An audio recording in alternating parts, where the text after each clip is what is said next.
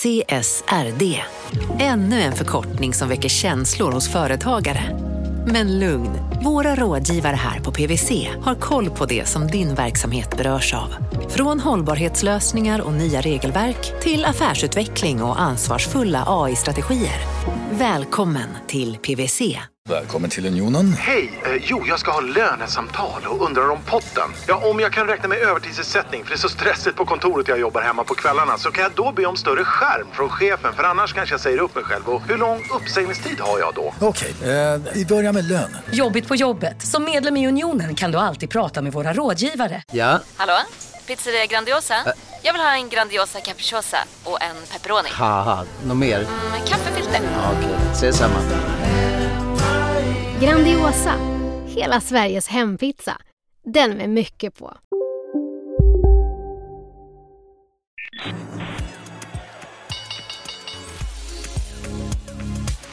Det här är Affärsvärlden Magasin med Helene Rådstein. Hej och hjärtligt välkomna till podden Affärsvärlden Magasin där vi varje måndag fördjupar oss i affärsvärldens journalistik. Jag heter Helene Rådstein och jag är reporter på Affärsvärlden. Jag befinner mig just nu i en ICA-butik som ligger i Mall of Scandinavia i Solna utanför Stockholm. Och här ska jag träffa ICAs VD Per Strömberg. Han har varit VD i åtta år och eh, han står där borta. Vi går dit.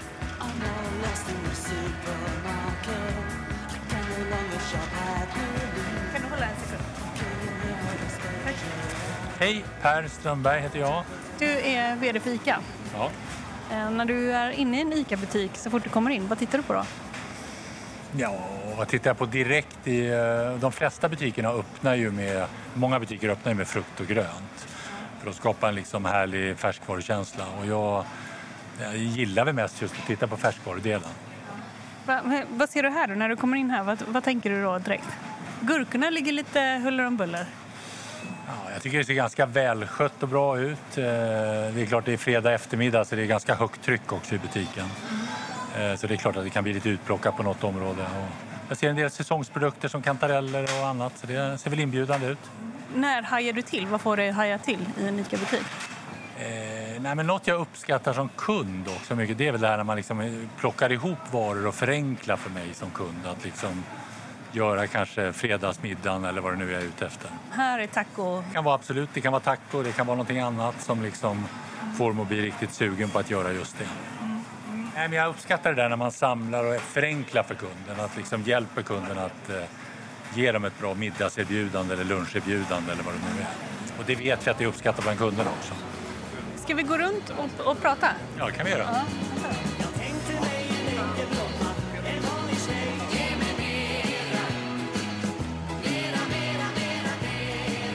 Du, eh, du har ju varit eh, VD för ICA i åtta år. Ja. Är det liksom en lätt organisation att vara VD för skulle du säga? Det känns inte så utifrån. Nej, men det är en spännande organisation att leda. Det är en, en organisation med mycket liksom dynamik och många olika viljor som vi ska få ihop till att bli någonting eh, riktigt bra. Och det där gillar jag. Det är liksom, är det så att man kan säga så här, gör vi någonting som man inte riktigt gillar ute i handlarled då, då känner vi av det direkt och har snabbt möjlighet att korrigera och göra någonting eh, eh, bättre. Så på det sättet, det, är liksom en, det blir en väldigt snabbrörlig organisation. Eh, Och vi är väldigt snabba på via handlarna eller på, på andra sätt att lyssna på konsumenterna, följa vad kunderna verkligen vill ha. Man pratar ibland om ICA-kungar. Vad säger du om det epitetet? Det har jag knappt hört tänkte jag säga. Inte? Syftar det på framgångsrika ICA-handlare eller? Nej, men vi, alltså, det är klart att vi har väldigt många duktiga handlare. Är du, är du en framgångsrik driven handlare så eh, vill du helst jobba inom ICA för det är här de största, största möjligheterna finns som man kan driva och äga sin egen butik vilket skapar en annan frihet. Brukar du handla själv någonting? Absolut. Jag handlar mycket både i butik förstås men, men också en hel del på nätet. Tycker du att ni har en bra näthandel? Ja, jag tycker att det är, alltså det är väldigt enkelt och smidigt att, handla på nätet och ännu smidigare kommer det ju bli med de lösningar som vi nu håller på att utveckla tillsammans med Ocado. Men, men det är väldigt enkelt och, och, och vi har många, många av de här små Eh, den här hjälpen som du får som kund, att genom att kunden, eller vi känner av vad är det som den här kunden normalt sett brukar köpa? Och är du med i ICAs lojalitetsprogram så får du ju upp dina vanligaste varor direkt och kan väldigt enkelt köpa dem. Och då går det ju snabbt om du vill göra en större veckohandling. För du ser att det här är det jag normalt sett brukar ha och då kan du snabbt klicka i den typen av produkter. För om man säger att det är smidigt på nätet så är logistiken, plockandet, lagerhanteringen ett jätteproblem. Man kan ju säga att e-handeln har ju nästan varit en motsatt till eh, Ikeas modell där kunderna liksom Lönsamheten har ju kommit för kunderna har själva plockat ihop varorna. Mycket av jobbet. Ja, ja gjort eh, jobbet ja. Här i er modell så har det varit eh, ju mer man säljer på e-handel så som det är nu eh, desto mer ökar ju förlusterna. Jag skulle inte säga att desto mer ökar, öka förlusterna för den här verksamheten den är ju fortfarande under uppbyggnad och det är klart att när den når en annan skala så finns det förutsättningar att skapa god lönsamhet. Sen är det väl också så att alla aktörer i branschen nu har ju jobbat mycket för att få skapa stark tillväxt och ta en stark position i marknaden och det skapar i sig också ett ganska stort pristryck. Men det är dyrt så att säga för er? Jo, men det är klart att plocka ihop varor och många gånger också köra hem varor till kund innebär en högre kostnad för oss och någonting som man måste över tid kunna ta betalt för. Och kommer ni ta betalt för det? Eh, eller kommer brittiska Ocado som kommer in och ska göra en jättelogistiklösning för er. Kommer de lösa det eller kommer det, gå ut, eh, kommer det bli dyrare? Nej, men du kan säga så här att vi, det är ju väldigt viktigt att vara den som är mest kostnadseffektiv på, det är det över i all verksamhet, men det blir ännu tydligare i, när det gäller onlineförsäljningen. Och med den lösning som vi får från Ocado så kommer vi kunna liksom plocka mer effektivt varorna än någon annan. Så att där får vi en, en så att säga, kostnadsfördel över tid. Sen tror jag det allra viktigaste det är att du liksom möter kunden på ett enkelt, tilltalande, bra sätt på nätet. Och det skapar ju också den här lösningen möjlighet. Så det, är inte, det handlar inte bara om en logistiklösning utan väl så viktigt är ju att det som kommer liksom fronta kunden där, där blir det otroligt enkelt, lättarbetat och personligt för kunden. Så att, eh, jag brukar säga så här att när man började e-handla på ICA på nätet för, för några år sedan kanske det tog 25 minuter om du skulle göra en större veckohandling. I den värld som vi går in med Ocado, med de hjälpmedel man kommer få som kund, så kommer du kunna göra din veckohandel på fem minuter. Och den typen av enkelhet, det älskar ju kunderna. 1,1 miljarder är det minst som eh, den här satsningen eh, kostar er. Det är dels fastigheten och dels avtalet kan man väl säga, eller systemet som de levererar. Vad, slutnotan, vad landar du på? Vi går inte ut med liksom enskilda tal, eller tal för en enskild investering på det sättet. Utan, Var, varför inte? Nej, vi gör inte det. Det blir liksom... Eh, vi redovisar våra segment och online är en del av ICA Sverige. Och för oss är det också så att det är väldigt viktigt att hålla ihop liksom, butik och onlineförsäljningen och skapa en bra gemensam lösning. Så ibland är det också svårt att säga exakt vad är, vad är lönsamheten i den delen och vad är lönsamheten i den andra delen. Det vi vill är ju framförallt att helheten ska bli så bra som möjligt.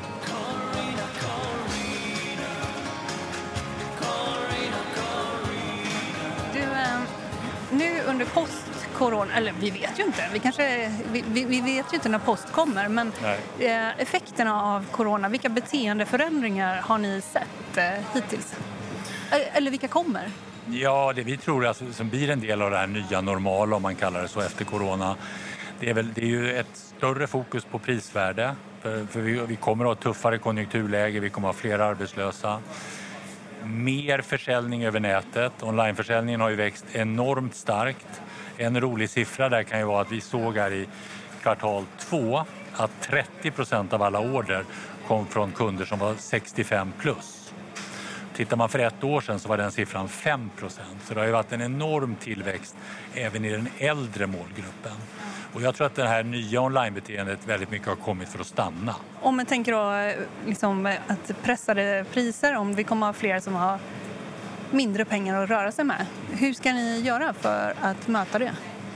Nej, men ICA är ju liksom otroligt uppskattat av kunderna och vi upplevs också uppleva ett, eh, eller leverera ett bra prisvärde totalt sett. Man tycker att liksom kombinationen av den service man får i ICA-butiken, det fina breda sortimentet och de bra priserna. Det är ju det man gillar som kund. Men jag tänker om priserna får en allt viktigare roll är ni verkligen liksom den bästa aktören då, om man ser till andra lågprisaktörer som finns där ute? Alltså bryr man sig så mycket om service då, till exempel? Nej, men det är klart att vi kommer ju också jobba, om konjunkturläget nu blir lite tuffare, vilket vi tror, så är det klart att vi kommer också förstärka prisvärdet och göra det ännu tydligare för kunderna att det är en bra affär att handla på ICA. Att ha bra ordinarie priser, bra kampanjpriser, eh, ett bra lojalitetserbjudande. Alla de bitarna kommer vi förstås jobba med.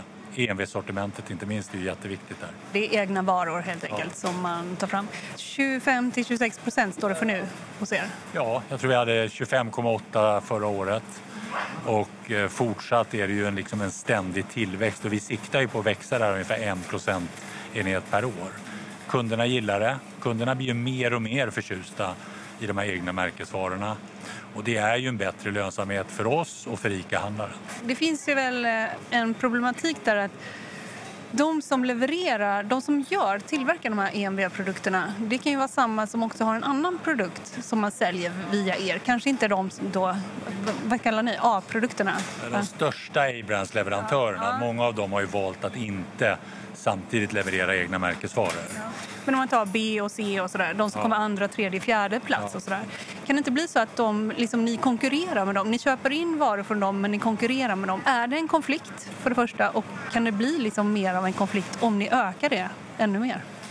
Jag skulle säga så här, alltså kunderna, alltså man måste ju alltid utgå från vad kunden vill ha och kunden vill gärna ha de stora starka varumärkena, det vi kallar då A-brands-leverantörerna. De vill ha ett starkt EMV-erbjudande och i större produktområden så finns det också utrymme för en nummer två och en nummer tre vid sidan av eh, den ledande A-brandet och EMV. Sen är det klart, i mindre kategorier så kommer det finnas, eh, i mindre produktområden kommer det finnas mindre utrymme för väldigt många alternativ. Men det beror ju också på vilken typ av butik du handlar i. Handlar du i en stor Maxi-butik så kan man ha väldigt många olika eh, produkter. Handlar du i en nära butik så är det ju naturligt att sortimentet blir lite smalare. Eh, om vi ser bara, om vi håller lite så här lågprisaktörer, så om vi pratar om Baltikum, där har ju Lidl gått in i ett av tre länder va, hittills. Hur ser du på konkurrensen där? Nej, men det är, en, det är klart att i Baltikum får man säga det är en ännu lite tuffare priskonkurrens och det beror ju på att kunderna totalt sett har mindre i plånboken att röra sig med och de lägger en större andel av sin disponibla inkomst på, på mat. Så att där är ju pris väldigt viktigt. Vi kan ju konstatera att i Litauen som då är det land i Baltikum där, där Lidl gick in för två år sedan.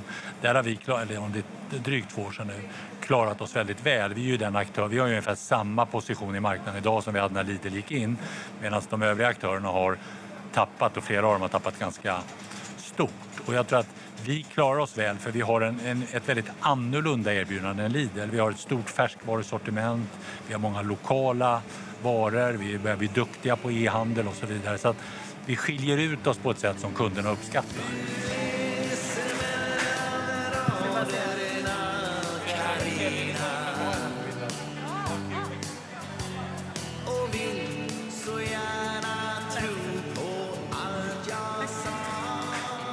Sedan du tillträdde så har ju hela ICA-koncernen, ni har ju både renodlats, man har tagit bort flera, ni har sålt Hemtex och så vidare och eh, an, liksom andra prylföretag kan man ju säga och, eh, och tagit in eh, apotek och mer hälsorelaterade bolag.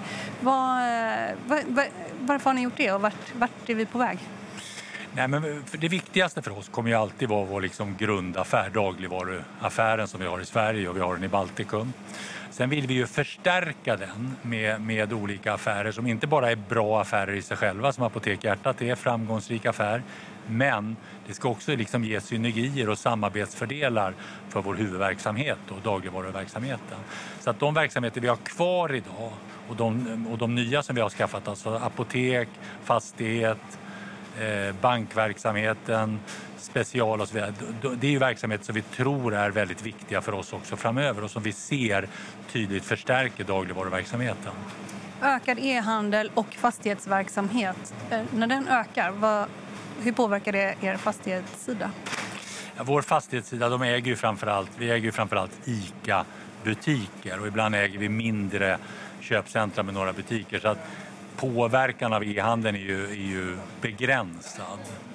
Eh, men det är klart att vi kommer ju också, precis som eh, vi kommer ju liksom behöva anpassa ytor och så i vissa butiker för att e-handeln tar en ökad andel och tillför andra värden. Och där blir det också viktigt att när vi då har en möjlighet att ta in ett Apotek Hjärtat eller en Min Doktorklinik på våra större liksom, köp, eh, marknadsplatser då, då ger det ett ännu bättre kunderbjudande och gör oss mest attraktiva. Vi kan ju som ett exempel se att de apotek nu som går absolut starkast hos oss det är ju de apotek som ligger i anslutning till en ICA-butik. Vilka apotek går svagast? Just nu under corona har det ju varit de som, finns, som vi har på sjukhus och som är i större köpcentra där folk har varit försiktiga att liksom röra sig. Hur många apotek har ni? Nästan 400, knappt 400. Men apotek, att driva apotek, det, det, det kostar ju ganska mycket. Det är ganska ja. kostsam affär. Va, hur, hur tänker du kring det framöver? Nej, men jag tror man kommer se att antalet apotek det växte ju väldigt kraftigt när marknaden avreglerades 2009-2010 där och de kommande åren. Eh, jag tror att nu har vi sett en utplaning och jag tror att tittar man framåt så kommer vi säkert se en svag eh, minskning. Men vi tror ju stenhårt på liksom kombinationen av e-handel och fysiska apotek och det ger oss också möjligheter att göra saker som en renodlad e-handelsspelare på apotekssidan inte kan göra. Vi kan ju till exempel om kunden beställer varor på nätet så kan vi välja att antingen plocka det i vårt centrala e-handelslager i Norrköping eller så plockar vi det i, en, i ett apotek som ligger nära där kunden bor. Då kan vi leverera hem till den här kunden på kanske en timme eller två timmar eller de kan få plocka upp det själva i apoteket. Så att vi har fördelar så rätt spelat så känner jag att vi kommer stå oss väldigt starkt med vår kombination. Men ni har haft lite krångel just med leverans och sådär eh, på den digitala sidan med apotek? Det är klart att alla under när liksom corona slog till, det var ju inget område där det bunkrade så mycket som på just apotekssidan. Så då hade vi och alla leverantörer svårt att liksom direkt möta den ökade efterfrågan i handeln. Men jag måste säga totalt sett har det ändå fungerat fantastiskt väl. Och vi har ju också haft en möjlighet att lokalt stänga några apotek för att ta in apotekare och annan personal till vår anläggning i Norrköping där vi plockar merparten av våra e-handelsordrar. Och på det sättet har vi kunnat ge en, en väldigt bra service skulle jag säga till kunderna.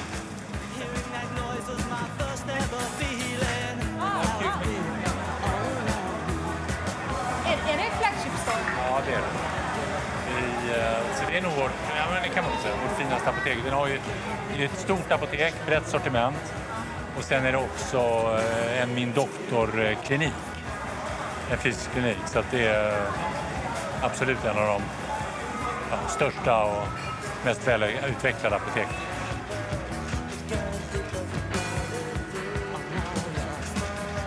Just nu så är det ju på gång ett lagförslag. Vet du vilket jag syftar på? Jag tror att jag tänker på den här nya UTP-lagstiftningen som kom egentligen ett gammalt EU-beslut. Eh, e Direktivet om otillbörliga affärsmodeller i livsmedelskedjan på svenska. Men UTP är ju... Unfair trading practices, ja. Mm.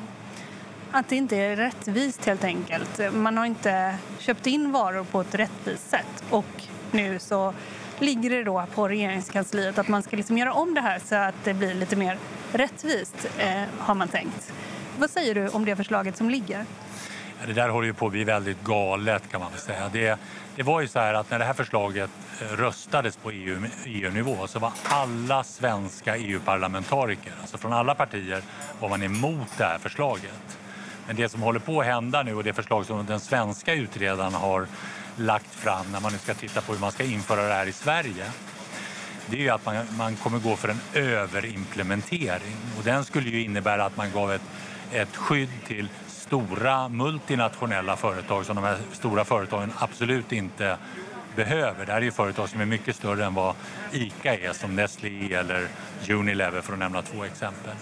Det skulle också göra att för den lilla lokala leverantören så, så kommer det bli krångligare att göra affärer med den lokala ICA-handlaren. det här är ett väldigt viktigt område för oss. Jag tror tyvärr att liksom, som förslaget ligger nu, där man håller på att göra mer och krångligare av någonting som man från början inte ville ha.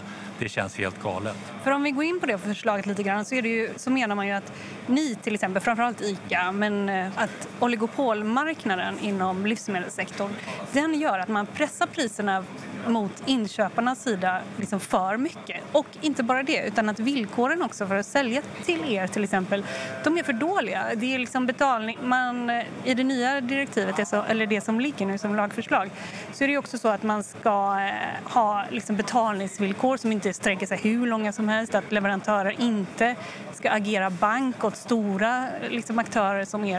Är inte det ganska bra?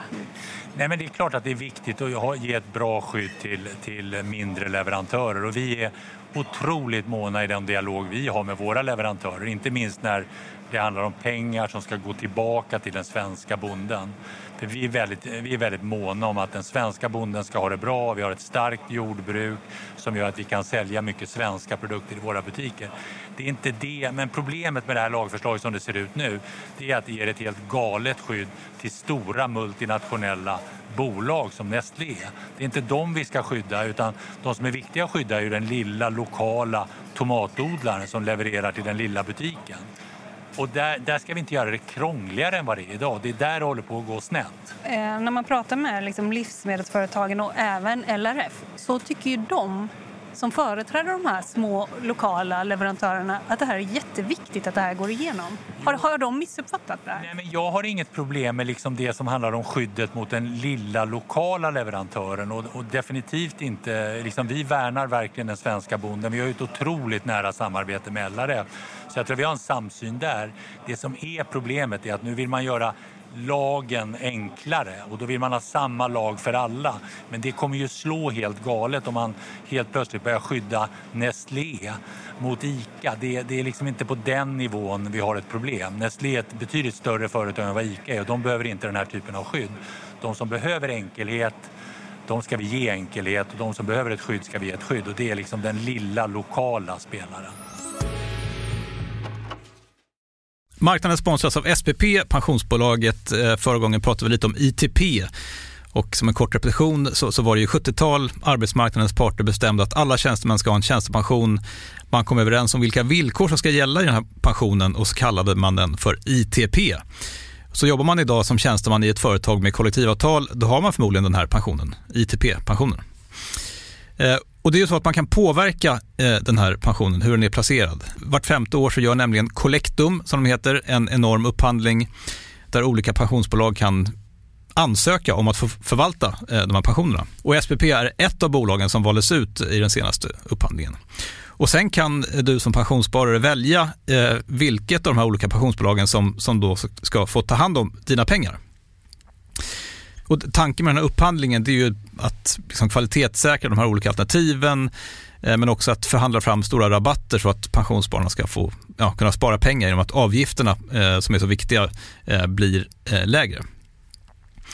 Och vill man välja någonting i ITP-systemet då finns det en relativt ny sajt som heter avtalat.se. Ehm, där kan man gå in och se hur sin ITP-pension är placerad. Jag gjorde det häromdagen faktiskt. Ehm, idén är att hälften av pengarna alltid ligger i något som kallas för traditionell försäkring. Det här gjorde vi ett avsnitt om i podden Kapitalet nyligen eh, som vi kallade världens bästa sparform. kan man lyssna på om man är intresserad. Eh, den andra halvan eh, den kan man också lägga i en traditionell försäkring eller så kan man placera det i något som kallas för fondförsäkring. Eh, SPP som sagt eh, var ju ett av de fåtal bolagen som valdes ut i den senaste upphandlingen och de finns med som alternativ både med en traditionell försäkring och med eh, fonder. Så det var en liten bakgrund till ITP-systemet. Vill man läsa mer om det här eller typ kolla hur ITP-pensionen är placerad, eh, kanske göra förändringar, då går man in på avtalat.se. Eh, men tack säger jag till SPP som vill göra oss människor mer medvetna om hur enormt viktig pensionen är för oss som en framtida lön, men också som en positiv kraft i samhället eh, och förstås för att ni möjliggör eh, den här podden Marknaden. Du lyssnar på Affärsvärlden Magasin med Helene Rådstein. Jag tänkte bara att vi ska ta en liten paus. Det är ingen reklampaus, utan det är en informationspaus som handlar om eh, vad vi pratar om här egentligen. Det är ju så att ni vet att EU kommer med direktiv. Det här ska olika medlemsländer implementera. Ni får det här direktivet och sen får ni implementera det så att det passar era länder. Ungefär så. Och I det här nya direktivet, UTP-direktivet som ska implementeras så föreslår man från eh, den svenska utredarens håll att man ska gå längre i Sverige än vad som krävs eh, från, ja, från direktivets sida. Liksom. Och eh, det är kortfattat två frågor där Sverige föreslås gå längre. Och den första är omfattningen, alltså vilka aktörer som ska omfattas av nya lagstiftningen. Utredaren föreslår att alla aktörer, oavsett storlek, oavsett vad man omsätter, ska omfattas av de nya reglerna. Det är mer än vad som direktivet annars syftar till eller vill ha. Och sen så är det också att alla varor ska omfattas av samma skydd, föreslår då den svenska utredaren. Alltså, det ska inte vara någon uppdelning mellan olika typer av livsmedel som ska omfattas då utav de nya reglerna här i Sverige. Sen är det ju liksom massa andra saker som också Eh, är med i det här lagförslaget. Det ska inte vara några hot, det ska inte vara några nyckfulla repressalier och leverantörer ska inte behöva agera bank åt dagligvarukedjorna. Och den nya lagen syftar till att balansera villkoren inom livsmedelskedjan i Sverige. Den stora frågan som står på spel just nu är hur omfattande den nya lagen ska bli. Det har kommit in massa remissvar på detta från olika håll och kanter. Från kammarrätten, från eh, arbetsgivarorganisationen Svenskt Näringsliv, från ICA-handlarna och så vidare. Och det är flera aktörer som är inne på Per Strömbergs linje. Han är inte ensam om att tycka att det är en överimplementering, verkligen inte. Och det finns också liksom myndigheter som tycker att eh, det är oklart, till exempel med de här sanktioner som föreslås. Det behövs tydligare göras vad som gäller där. och Så Så kan det vara med remissvar. Men en sak som också liksom sticker ut och som också är tydlig det är att små aktörer, om man säger så, eller eh, om vi tar biodlarna till exempel. De tycker att det som föreslås ska gälla i Sverige, att det är bra. De är på utredarens linje. De tycker inte att detta är liksom fråga om överimplementering och sådär. Och när man läser remissvar från till exempel de som företräder potatisodlarna i Sverige. Det är ganska intressanta remissvar som trillar in. Då, kan man, liksom, då står det ganska klart att det har varit metoder i inköpsprocessen som eh, verkligen inte har varit till potatisodlarnas fördel, enligt dem. Då. Och eh, jag bara vill att man ska som lyssnare förstå att eh, han tycker det finns en, Per Strömberg tycker det finns en överimplementering här. Men det finns andra som inte tycker det, utan tycker att det här är ett bra lagförslag som ska gälla i Sverige.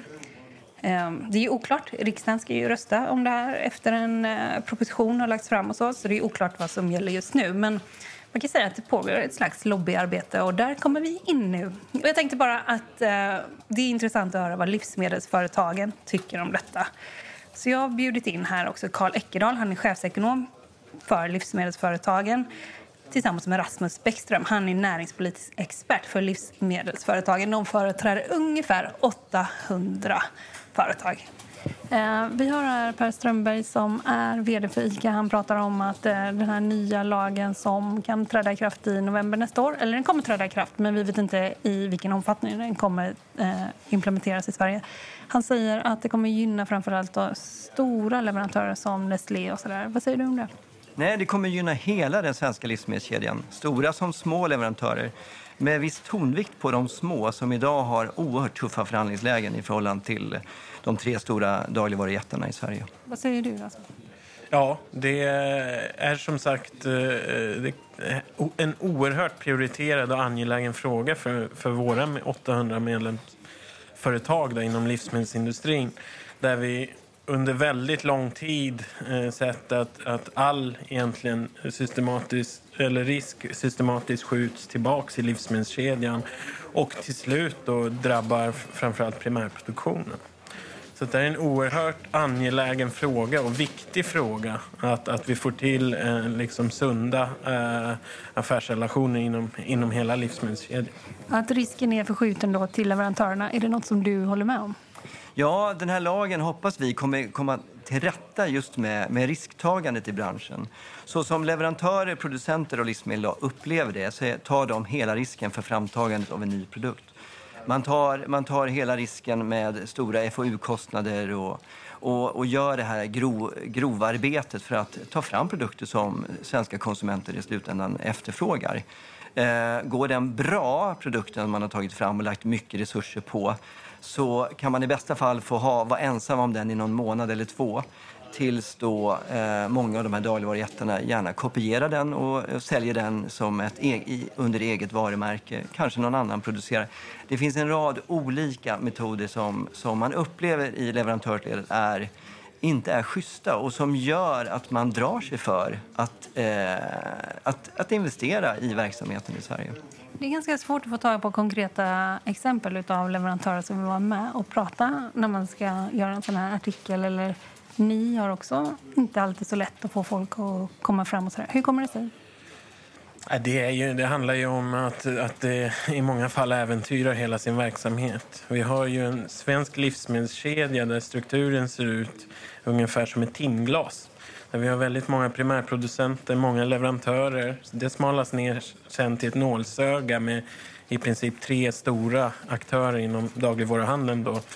Eh, och det... Ica, Axfood och Coop. Ica, Axfood och Coop står för ungefär 90 procent av marknaden. Då. Det gör ju att, att, att och Ica kanske står för runt hälften av, av, av marknaden och det gör ju att det det innebär ju stora risker för leverantörer som faktiskt eh, försöker säga hur det står till ibland. Och man är helt enkelt, eh, man är helt enkelt rädd att, att förlora hela verksamheten. Eh, många har inte råd att stå utanför en kedja som ICA till exempelvis som då står för ungefär halva marknaden. Mm. Detta som Per Strömberg pratar om, att den här nya lagen kan slå mot eh, liksom inköpen Eh, relationen mellan den lokala ICA-handlaren och liksom enskilda bonden. Va, vad säger du om det? Ja, den enskilda bonden och den enskilda förädlaren, alltså enskilda bagerier som kanske har leveranser till den lokala ICA-butiken. Den typen av affärsrelationer kommer att eh, kvarstå eh, intakt. De påverkas inte i stort sett av den här lagen. Och man ska komma ihåg att den absoluta huvuddelen av det som säljs, i, även i en ICA-butik, kommer via ICAs centrallager. Det är så ICA vill ha det. Det ger dem kraft i, i förhandlingssituationerna med leverantörerna på ett helt annat sätt om leverantörerna skulle göra upp med var och en av de svenska ICA-butikerna som finns där ute. Eh, utan de här, de här goda relationerna lokalt mellan den lokala ICA-butiksägaren och de lokala leverantörerna i den mån de finns de kommer inte påverkas av det här. Det, det, det bygger på förtroende och det förtroendet finns kvar även med lagen på plats. Nu kommer den här nya lagen den kommer träda i kraft som sagt i november eh, nästa år på något sätt. Det som verkligen står på spel här, vad är det Rasmus? Det är egentligen två, två frågor. Det är omfattningen, vilka aktörer då eh, eh som ska omfattas av lagstiftningen där utredaren då har, föreslår att, att alla aktörer oavsett omsättning ska, ska omfattas vilket eh, är vår linje och eh, kommer innebära kraftig regelförenkling. Det är även en regelförenkling han föreslår att, att eh, färskvaror och icke-färskvaror ska behandlas på samma sätt, ha samma regler. Så egentligen samma regler för alla aktörer och samma regler för alla produkter. Det är det är det det handlar om. Att det stora aktörer som ICA inte tycker det är en bra idé eh, det får de svara på. Det har de svarat på här lite också tidigare. Men hur tolkar ni det? Hur, hur tolkar du det? Alltså jag tror det är en alldeles utomordentlig idé. Den här lagen borde vara på plats för länge sedan. Eh, det vi har sett nu är att innan eh, vårt EU-inträde så var det en slagsida. Då hade leverantörerna S i skjortärmen. Eh, medan det nu är dagligvaruledet som sitter på hela förhandlingsartilleriet egentligen. Man eh, importerar idag ungefär 50 procent av det som säljs i butikerna vilket, vilket ger dem en oerhört stark förhandlingsposition. Medan, och leverantörerna å sin sida eh, vet att de är i stort sett perfekt utbytbara samtliga om man inte går med på, på de leveransvillkor som dagligvaruhandeln sätter upp. Eh, den här lagen syftar ju nu då till att, att balansera de här styrkeförhållandena något. Eh, att göra det eh, något enklare att förutse vad som kan hända i leverantörsledet. Och det kommer då förhoppningsvis att öka investeringsviljan, göra produktutbudet intressantare i konsumentledet och, och överlag stärka hela den svenska livsmedelskedjan, vilket vi alla är vinnare på i slutskedet. Tack så mycket. Eh, marknaden sponsras av Karla. Eh, vi pratar ju en hel del om bilar här på kontoret. Eh, karla har ju skapat, skulle jag säga, det som är standarden för hur man idag köper och säljer bilar på nätet. Kort bakgrund bara. Karla säljer och leasar begagnade elbilar och laddhybrider på karla.se. Alltså en helt digital upplevelse. Och man har gjort det här med ett nästan maniskt fokus på vad en bilköpare faktiskt behöver. Jag gjorde ju en intervju med en av grundarna, Patrik Illerstig, i marknaden här eh, ganska nyligen, eh, daterad 25 mars, om man vill lyssna på den. Eh, men där berättar han hur de kom in i det här lite från vänster för att försöka uppfinna hela den här liksom bilköpupplevelsen från början. Och de har idag, vilket är rätt otroligt, 4,8 i betyg eh, på Trustpilot. Jag, jag har sett många företagssidor på Trustpilot, men det här är nog bland eh, det bästa jag någonsin sett faktiskt. Man kan sälja bilen till Karla också. Eh, då går man in på karla.se, delar lite info om bilen, sen får man en gratis värdering och ett bud. De hämtar bilen helt gratis i hela Sverige och så har man pengarna på kontot i samma stund som de hämtar bilen. Det är grymt. Eh, så ska du köpa en ny bil eller sälja din gamla, eller båda delar för den delen, gå in på karla.se och eh, kolla. Alltså karla.se och Karla stavas med C. Tack så mycket till Karla. Du lyssnar på Affärsvärlden Magasin med Helene Rådstein. Har ni varit för tuffa ibland i inköpsprocesserna? Jag tror att vi generellt upplevs som liksom schyssta och bra att göra med och framförallt tror jag vi gör det av, av eh, små leverantörer som vi har att göra med. Det är klart att sen är det vår uppgift att mot stora multinationella bolag inte minst att vara tuffa och ifrågasätta med de prishöjningar som de kommer med. För vi vill ge så bra priser som det bara går till våra svenska kunder. Om det skulle vara så att priserna pressas neråt mot eh, leverantörssidan, då finns det ju har jag hört, en risk om att utvecklingen av att eh, komma på nya livsmedel och utveckla nya modeller i, liksom, i en bransch som faktiskt skulle må bra av lite, lite utveckling, att det skulle hämmas. Hur, eh, hur ser du på det och hur ser du på den framtida liksom, utvecklingen, nya produkter och så här, inom livsmedelssektorn? Innovation är ju otroligt viktigt och det ser vi bara nu när corona kommer. Liksom, eh, kundernas preferenser kan ställa om väldigt snabbt och vi vill alltid vara den som är bäst på att möta eh, vad kunden vill ha. Så det är klart att det är viktigt att bolag kan liksom investera i forskning och utveckling för att komma med nya bra eh, produkter och jag känner att ICA stöttar det. Det är också så att om man tittar på livsmedelshandeln i stort så är den mer lönsam än vad dagligvaruhandeln är. Så det är inte så att man kan säga att liksom livsmedelshandeln generellt har ett lönsamhetsproblem. Inte minst många stora internationella leverantörer är ju oerhört lönsamma. Så att jag tror man får säga så här, vi vill absolut ha bra forskning och utveckling. Vi vill gärna ha det hos svenska leverantörer för vi vill sälja mer av svenska leverantörer och vill få nya spännande produkter. När du säger stötta det, ger ni pengar? Ja, men vi har många viktiga utvecklingsprojekt. Vi har precis startat upp en ny, ny, ny större satsning nu som vi kallar ICA Växa. Det är ett bra exempel på där vi ser att Idag är det väldigt svårt om man vill ha vegetarisk färdigmat. Det är ett område som växer väldigt snabbt. Så är det väldigt svårt att få tag i svensk råvara. Och där driver vi nu ett projekt med, med, med två större leverantörer för att få fram det så att man kan köpa vegetariska färdigmatsalternativ med svensk råvara och inte behöver använda utländsk råvara. Så att vi, vi försöker jobba väldigt nära eh, Sveriges bönder och eh, de, små, de, de svenska leverantörerna. Sedan du tillträdde som vd så har lönsamheten gått upp. Är det för att ni har renodlat modellen, skulle du säga, tagit in, eller vad, vad är det som har hänt? Ja, det viktigaste där är väl just att vi har renodlat modellen. Vi hade väl en lönsamhet då, om du går tillbaka till 2012 som låg på ungefär 2,7 procent i rörelsemarginal. Idag är vi på 4,5 och drygt en procentenhet av den här förbättringen då som vi ser kommer från att vi har en har jobbat med strukturen på våra affärer, har en annan företagsstruktur. Resten kommer från operativa förbättringar. Ni har också en bank och ni ska börja med bolån. Hur stora ska ni bli inom bolån har, har du tänkt? Nej, men vi tror väldigt mycket på vår bolånesatsning. Det här kommer ju vara en satsning där vi kommer erbjuda extremt bra priser till de svenska kunderna. Så vi kommer verkligen vara utmanare på den här marknaden. Och vi vet ju att det är en viktig liksom, instegsprodukt kan man säga för, för bankkunder. Det vill säga har man sitt bolån hos oss så kommer man också vilja lägga sin övriga affär hos oss. och vi kan bli huvudbank. Idag är vi framförallt en kompletteringsbank och det kommer vi såklart fortsätta vara. Men i och med att vi får in bolån eh, så, så kommer vi ha helt andra möjligheter att växa den här affären. Man kan inte ha bolån hos er idag? Jo, vi har haft ett, ett eh, samarbete tidigare med eh, SBAB men då är det så, är du två parter så ska du dela på en, en eh, lönsamhet och då kan du inte till kunderna erbjuda fullt så attraktiva priser som vi kommer kunna göra nu.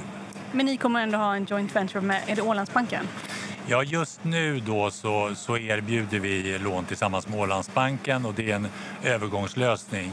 Vi drar igång den här nya bolånesatsningen då i, i början på nästa år och då är det ett antal banker, bland annat vi och Ålandsbanken då, som har bildat ett gemensamt joint venture som kommer att hantera upplåning och sånt så att vi får fördelaktiga villkor när vi ska låna ut till våra eh, svenska kunder.